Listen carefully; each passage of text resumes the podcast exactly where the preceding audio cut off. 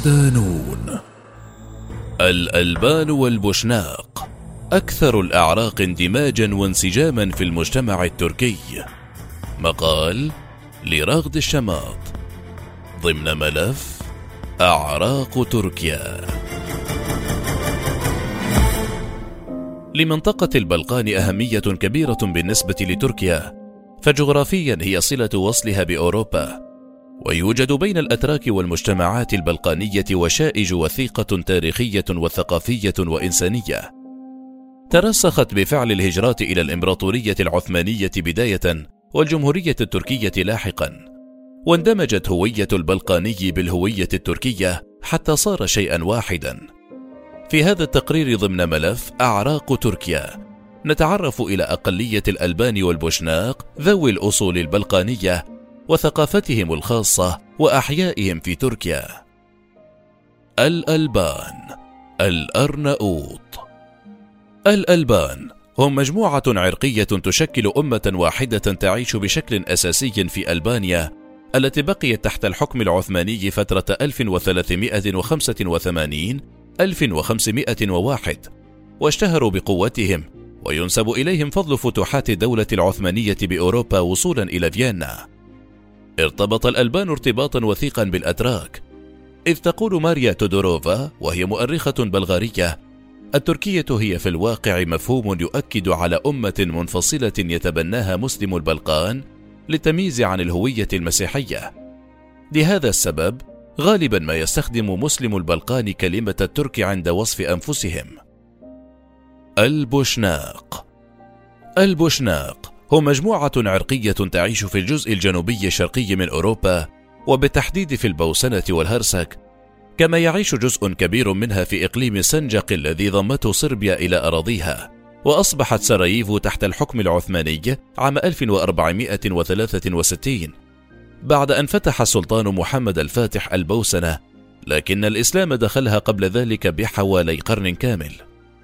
عاش البوسنيون أربع موجات هجرة كبرى رئيسية نحو تركيا حتى عام 1918 كان النزوح الجماعي الأول عام 1878 بعد غزو الإمبراطورية النمساوية المجرية للبوسنة وحدثت الهجرة الثانية عام 1882 والموجة التالية من الهجرة عام 1900 والموجة الرابعة عام 1908 أما المهاجرون البوشناق الذين وصلوا تركيا في فترة 1934 1938 فقد حصلوا على مساعدات سكنية من الحكومة التركية ووفرت لهم الأدوات اللازمة للعمل في الإنتاج الزراعي.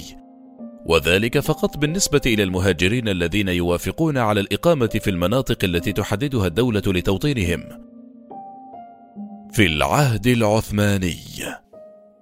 حظي الألبان والبوشناق بثقة السلاطين العثمانيين وكانت لهم مكانة رفيعة في الدولة. وصل المهاجرون الألبان الأوائل مع عائلاتهم إلى تركيا للعمل في القصور العثمانية وشغلوا مختلف المناصب بدءا من الباشا وحتى حراس القصر وأقاموا في حي أرناؤوط كوي بإسطنبول ومدن البحر الأسود مثل ريزا وسامسون وطرابزون. كما قامت الدولة بتعيين قادة في الجيش العثماني من الألبان ووطنتهم مع عائلاتهم في مناطق ذات حساسية عرقية مثل بنجول ذات الأغلبية الكردية للقتال ضد الحركات الثورية أو الانفصالية. في تركيا اليوم يعد الألبان والبوشناق من أكثر العرقيات اندماجا وانسجاما مع المجتمع التركي المحلي ولا ينظر إليهم كأجانب وافدين بل يعاملون بصفتهم رعايا الدولة العثمانية. ومن إرث الإمبراطورية الذين فقدوا أرضهم واضطروا لمغادرة ديارهم بعد هزيمة الدولة العثمانية.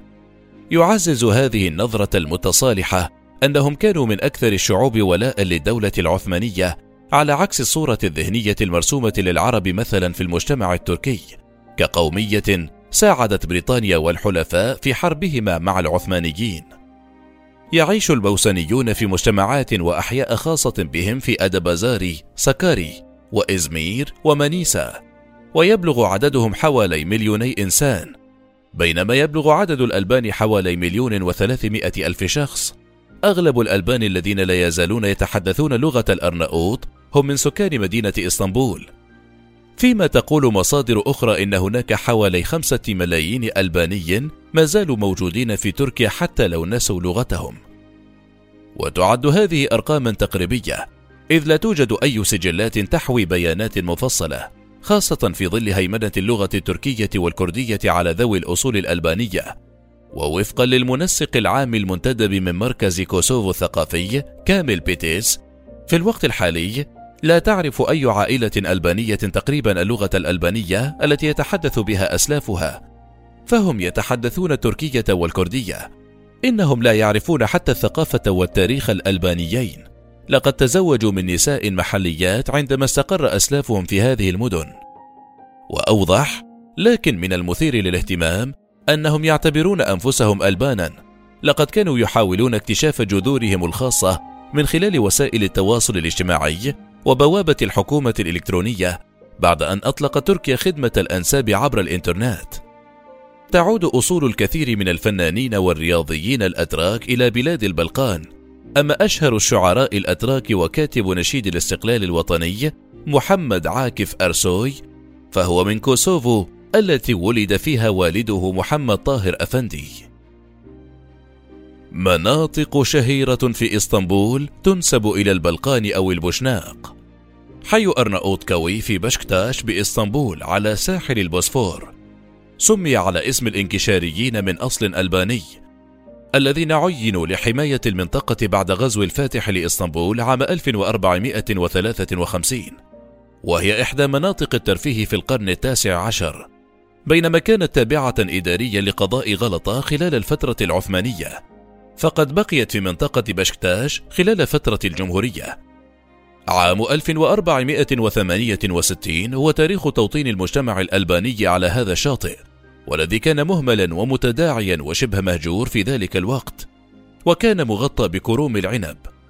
سمي الحي بأرناؤوط كوي عام 1568 ولا تزال المنطقة مركزا للحياة والترفيه في مضيق البوسفور مع العديد من المطاعم الفاخرة.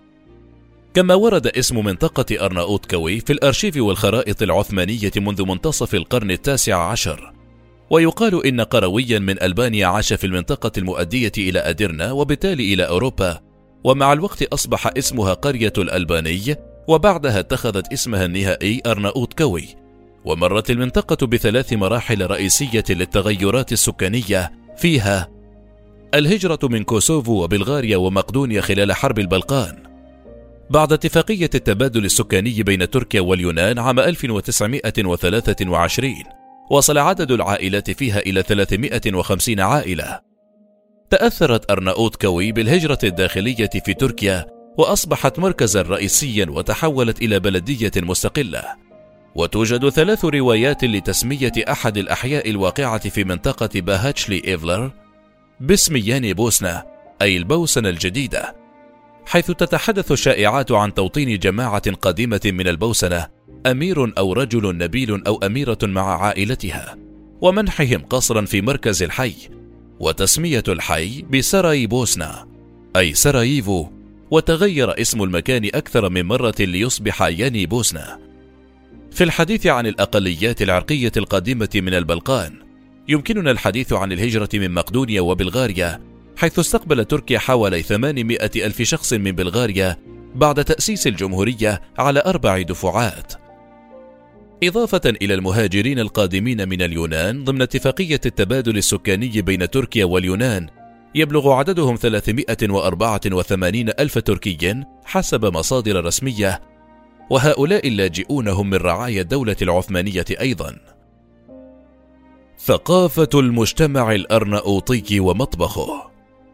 تتميز شعوب الألبان بالتضامن الكبير بين أفراد العائلات والحفاظ على علاقاتهم قوية ومن المشهور أنه مهما حدثت مشاكل كبيرة ضمن عائلة الأرناؤوطي فلا يمكن لأحد أن يعرف ما الذي يجري. كما تنتشر في تركيا أمثال شعبية تتحدث عن إصرار الأرناؤوط على تحقيق ما يريدونه. عاش المهاجرون البوسنيون الذين قدموا إلى تركيا بشكل عام معا وكونوا قرى وأحياء بوسنوية وغلب عليهم إقامة علاقات مصاهرة فيما بينهم وبنوا منازلهم على طراز منازلهم القديمة في البوسنة. جلب المسلمون عاداتهم في الطهي وتحضير الطعام إلى الأناضول، إلى جانب تقاليدهم وخلفياتهم الثقافية. أيضا أدى تفاعل الألبان مع الكثير من الشعوب والثقافات عبر التاريخ لتأثر مطبخهم بالذوق الإيطالي واليوناني إضافة إلى المطبخ التركي. لكن أول ما يتبادر إلى الذهن عند ذكر الأرناؤوط في تركيا هو وجبة الكبد الألباني المكونة من مكعبات لحم الكبد المقلي مع البهارات والفليفلة الحارة ويقدم مع البصل والبقدونس. أما البوسنيون فيشتهرون بكرات اللحم والمعجنات. وينسب الأتراك أشهر أطباق الحلوى في تركيا تريلشا إلى دول البلقان. وتعد وفق الأصول باستخدام ثلاثة أنواع من الحليب وهي حليب البقر وحليب الماعز وحليب الجاموس. كما توجد في تركيا وإسطنبول تحديدا الكثير من المطاعم التي تقدم الطعام التقليدي البوسني والألباني إضافة إلى أماكن بيع المنتجات التقليدية المستخدمة في مطابخ البلقان مثل تلك المتوفرة في منطقة بايرن باشا الجمعيات والنشاطات الثقافية. توجد في تركيا عشرات الجمعيات الألبانية والبوسنية وتقيم فعاليات ثقافية وتؤمن تواصلا بين أفراد المجتمع الألباني في تركيا وتقدم لهم بعض الخدمات. كما تقيم أنشطة مشتركة للألبان والأتراك على سبيل المثال تعمل جمعية الثقافة الألبانية في مدينة بورصة على الترويج للثقافة الألبانية بإقامة المعارض والمؤتمرات والندوات بهدف دمج الثقافات التركية الألبانية وجمع المهتمين بالثقافة واللغة الألبانية. أما مؤسسة البوسنة الأكاديمية للثقافة والتاريخ فتقوم رسالتها على تقوية الروابط بين البوسنيين في تركيا وسكان البوسنة والسنجق وتعمل على رفع مستوى الوعي لمنع تكرار الأحداث المؤلمة إضافة إلى دعم جهود البحث العلمي وتوثيق الأحداث التي أثرت على المجتمع البوسني ومنها موجات الهجرة التي أجبروا عليها عبر تاريخهم الطويل. حيث تضم المؤسسة أكاديميين وباحثين على سوية عالية من التعليم والثقافة والوعي. وجود هذه الأعداد الضخمة من أحفاد شعوب البلقان في تركيا وأولادهم الذين باتوا أتراكا، ووجود إرث عثماني ضخم في دول المنطقة من قلاع ومساجد وتكايا وأسواق وحمامات وأسبلة، تعمل أنقرة باستمرار على ترميمها عبر مؤسساتها ينعكس على طبيعة العلاقات التي بلغت ذروتها خلال العقود الأخيرة على مختلف الأصعدة.